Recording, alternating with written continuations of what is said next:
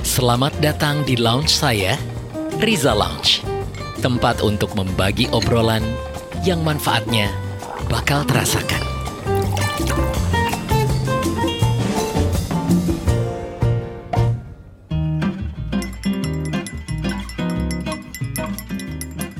Oke teman-teman, diminum dulu dong tehnya ya kan Biar saya yang ngobrol, Anda dengerin sambil minum teh Sayang nih di depan saya nggak ada teh Oke kita lanjutin ya Kita akan ngomongin tentang office politics Apa sih office politics itu? Office politics itu adalah strategi bagi setiap orang untuk bisa mendapatkan atau memanfaatkan advantage yang dia miliki untuk mereka sendiri atau untuk uh, dijalankan dikarenakan oleh sebuah sebab. Politics is naturally is a risk whenever there are more than two people in an organization. Jadi kalau saya boleh bilang tadi uh, begitu kita berkumpul dan lebih dari satu orang dan uh, dua orang lah minimal lah ya dua orang itu berlatar belakang berbeda dua orang itu memiliki keahlian yang berbeda dua orang itu memiliki kepentingan berbeda meskipun mereka duduk bersama dalam sebuah organisasi dan mencapai sebuah tujuan, satu tujuan saja. Tapi begitu mereka beda kepala, maka di situlah politik akan terjadi. Kemudian, begitu ada dua orang berkumpul dalam sebuah organisasi dan interpersonal mereka itu akan berjalan naik turun, maka pada saat mereka me menyadari ada ketidakhappyan antara satu dengan yang lain, dan di situlah harus muncul satu pemenang dan satu yang kalah, maka di situlah yang disebut office politik terjadi. Office politik akan terjadi jika dalam sebuah manajerial ternyata ada satu unit yang merasa tertekan oleh yang lain karena sebuah proses kepentingan yang menuju kepada pencapaian tujuan organisasi. Nah, Anda bisa bayangkan dalam sebuah perusahaan terdapat beragam unit. Orang back office akan berperang dengan orang front office. Orang satu bagian akan terdampak kepentingan dari bagian yang lain. Nah, demi sebuah pencapaian tujuan perusahaan, maka kadangkala unit yang satu akan dimenangkan untuk bisa mencapai tujuan tersebut dibanding unit yang lain.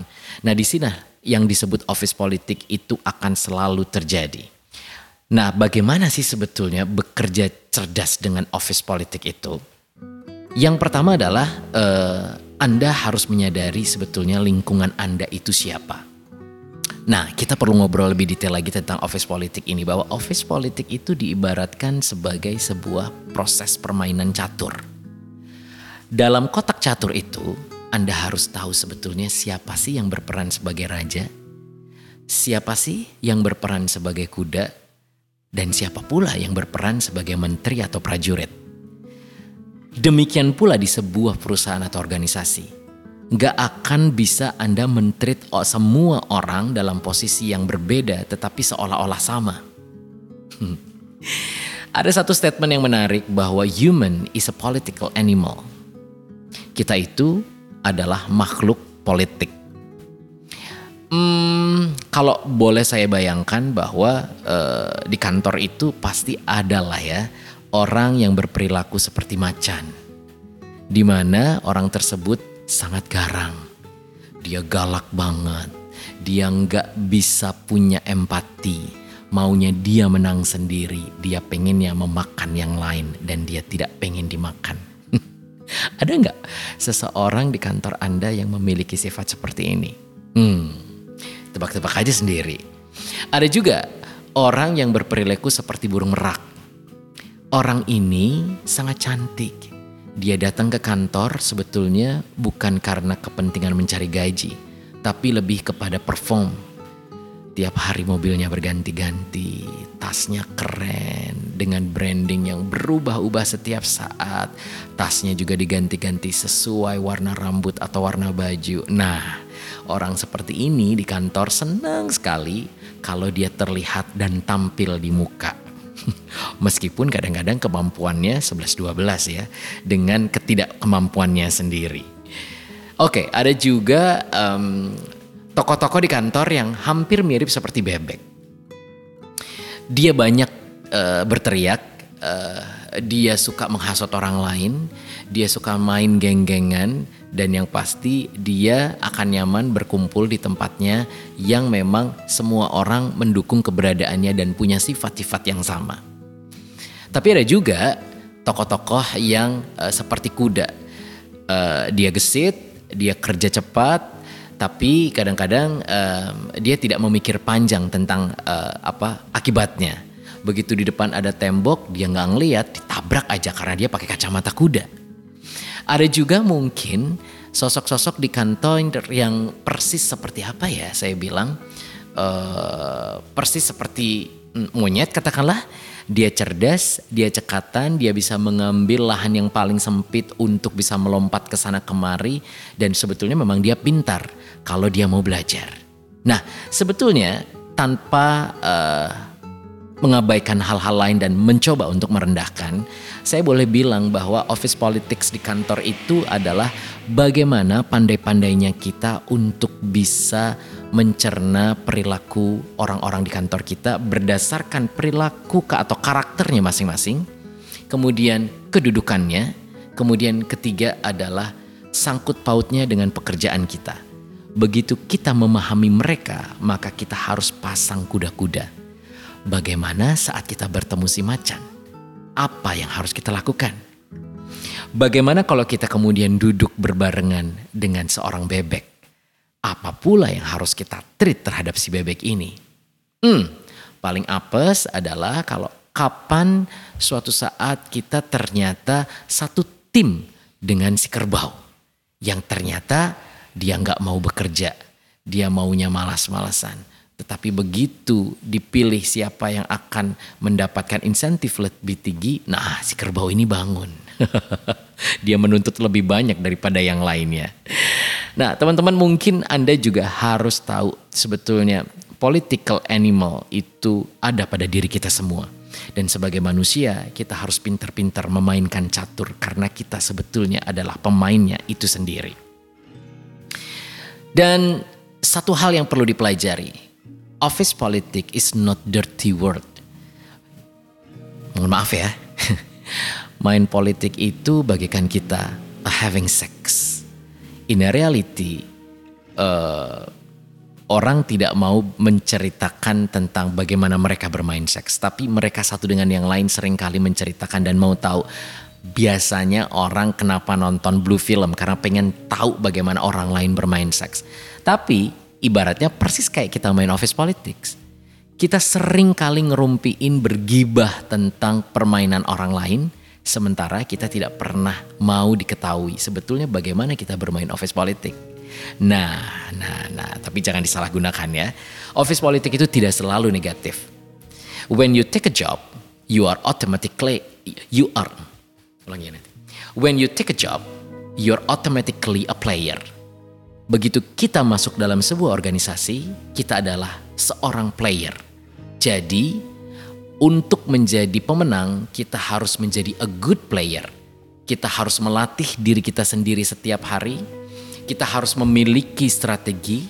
Kita harus memilih taktik yang benar agar dalam sebuah pertandingan besar yang disebut office politics, kita akhirnya bisa menjadi pemenang kita muncul sebagai orang yang bisa memenangkan pertandingan tanpa harus merendahkan lawan kita. Dan dalam konteks ini, kita perlu waktu yang panjang untuk mengenali satu persatu orang di lingkungan. Jangan sampai pada akhirnya, kalau kita tidak cerdas, hmm, kita akan berakhir hanya sebagai korban.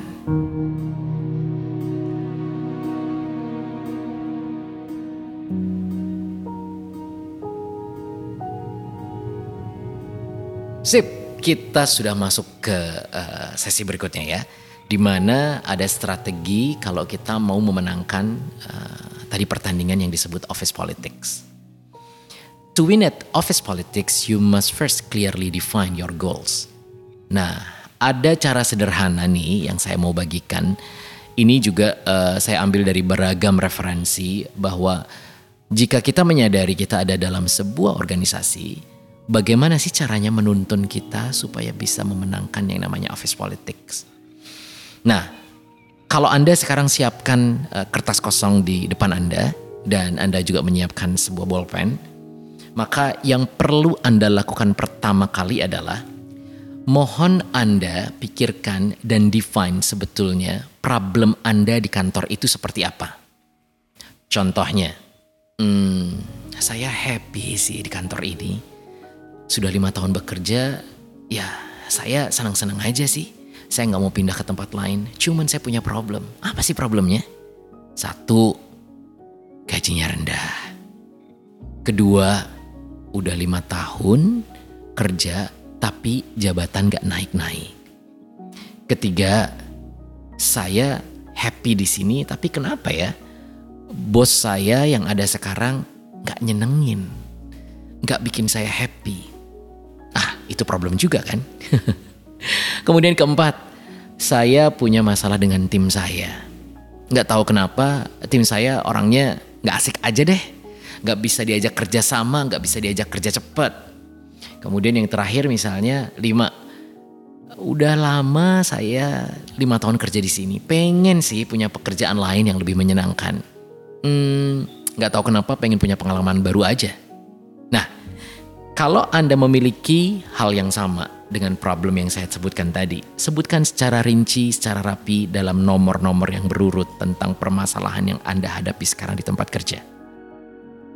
Oke, kalau sudah, sekarang bikin garis atau kolom baru di sebelahnya saya ajak Anda untuk uh, menuliskan beberapa wish yang Anda uh, inginkan atau Anda rencanakan dari setiap permasalahan yang tadi Anda sudah susun. Nah, wish ini sebetulnya adalah cara Anda untuk uh, menciptakan sebuah keinginan jika permasalahan itu sudah Anda sebutkan tadi sebetulnya keinginan lain terhadap permasalahan itu apa sih? Contohnya nih, Anda tadi bilang bahwa uh, saya saat ini memiliki permasalahan dengan gaji rendah. Maka wish yang harus Anda tulis di kolom sebelahnya sesuai dengan permasalahan nomor satu adalah, hmm, saya berharap Anda kita dapat kenaikan gaji. Jadi kalau problemnya adalah gaji rendah, wishnya adalah saya berharap dapat kenaikan gaji segera. Oke. Satu line kan ya? Ada hubungannya kan ya? Good. Sekarang kita masuk ke dua. Tadi saya punya problem juga setelah lima tahun kerja ternyata saya punya permasalahan dengan tidak naiknya jabatan saya setelah bertahun-tahun melakukan pekerjaan ini. Maka wish yang Anda tulis adalah saya ingin sekali dapat promosi segera. Wes, itu harapan yang harus Anda tulis. Bagaimana dengan permasalahan bahwa bos tidak menyenangkan? Maka wishnya adalah saya berharap bos baru saya bukan orang yang menyebalkan. Gampang banget kan? Kemudian poin keempat, begitu Anda menemukan permasalahan tentang masalah dengan tim di pekerjaan maka Anda harus menuliskan bahwa saya berharap bahwa tim saya bisa mendukung pekerjaan saya. Dan permasalahan kelima, ingin saya bekerja di tempat lain yang lebih menyenangkan. Maka wish Anda adalah saya berharap dapat tawaran pekerjaan yang lebih baik. Nah, kalau tadi Anda sudah menyusun eh, detail apa problem Anda, kemudian Anda menyusun apa wish Anda, tahap selanjutnya adalah anda harus menyusun goals atau tujuan. Rubahlah sekarang poin-poin dalam wish Anda tersebut menjadi goals. Goals di sini is helping us to define the actions we need to take. Goals ini akan membantu kita untuk menyusun tahapan-tahapan apa sih yang harus kita lakukan untuk bisa mencapai wish tersebut. Contohnya, permasalahannya adalah gaji rendah, harapannya adalah bisa naik gaji. Kemudian goalsnya adalah saya akan membangun keahlian saya supaya saya bisa dapat hmm, penghargaan lebih cepat sehingga bisa menaikkan gaji setelah saya tadi dapat penghargaan. Artinya, bukan berhenti dan berharap untuk naik gaji tanpa melakukan apa-apa. Kalau wish kita adalah naik gaji, maka goals atau action yang harus kita lakukan adalah kita harus lebih meningkatkan uh, kemampuan kita, kepedulian kita, dan empati kepada perusahaan supaya kita bisa meningkatkan uh, apa ya pencapaian di setiap harinya kita. Sehingga atasan kita akan melirik kita wow anak ini melakukan perubahan besar-besaran. Anak ini sekarang bisa lebih cepat menyelesaikan pekerjaan. Dan anak ini ternyata berprestasi. Kalau kita tidak pernah sadar kenapa kita tidak naik gaji berarti kita telah gagal melihat diri kita sendiri untuk melakukan apa yang harus kita lakukan, perbaikan bentuk apa yang harus kita tingkatkan supaya kita naik gaji. Hmm, nyambung kan? Oke, kita menuju ke permasalahan kedua.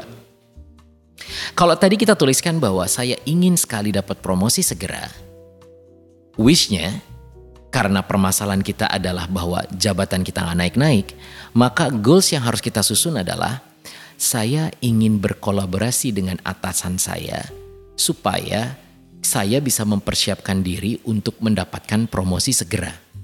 Artinya, bukan kita benci kepada atasan karena dia tidak menaikkan jabatan kita. Yang ada adalah dibalik. Kita harus mendekati atasan kita, mencari tahu kebutuhan dia seperti apa, mendengar dari dirinya sendiri sebetulnya kekurangan kita apa, dan kemudian kita diskusi lebih detail dan lebih dalam sama dirinya untuk menuntut dia menggait kita melakukan perbaikan-perbaikan dalam setiap proses pekerjaan kita sehari-hari sehingga ada sebuah deal yang nantinya kita bisa lakukan sama atasan kita. Bahwa kalau saya bisa menyelesaikan semua poin-poin yang kita sepakati, janji ya jabatan saya akan naik, gaji saya akan naik. Nah, ini adalah cara cerdas untuk memenangkan office politik, bukan sebaliknya. Banyak sih teman-teman saya yang karena jabatan gak naik-naik, solusinya adalah dia pindah kantor. Atau di sisi yang lain, dia kemudian uh, apa ya, ngambek ya kan pundung kemudian eh, nggak nyapa sama atasan kemudian nyakit nggak masuk kerja beberapa hari. Nah itu sebetulnya adalah tindakan-tindakan yang kontraproduktif yang malah menjauhkan diri kita dari wish yang sebetulnya kita susun. Karena sebetulnya wish itu hanya sekedar harapan. Tapi kalau tidak di breakdown dalam sebuah kegiatan atau tindakan yang wujudnya ada yang memang sengaja kita lakukan, maka wish hanya tinggal wish. Dan problem akan selalu menjadi problem tanpa pernah ada solusi. Oke, masih ada tiga catatan yang lain dan saya nggak tahu tadi apakah permasalahan Anda eh, yang sudah Anda tulis seperti apa, tetapi cara tercepat untuk menggait Anda memenangkan office politics adalah susun problem Anda, carilah wish di setiap problem tersebut dan lakukanlah penulisan goals kemudian Anda breakdown lebih detail menjadi tindakan-tindakan yang harus Anda lakukan dan harus Anda bisa eksekusi mulai besok pagi. Saya yakin kalau Anda dengan rinci melakukan tindakan-tindakan tersebut, maka Anda bisa memenangkan office politik dan Anda menyadari bahwa Anda adalah salah satu player di sebuah pertandingan besar dalam sebuah perusahaan yang disebut office politics game.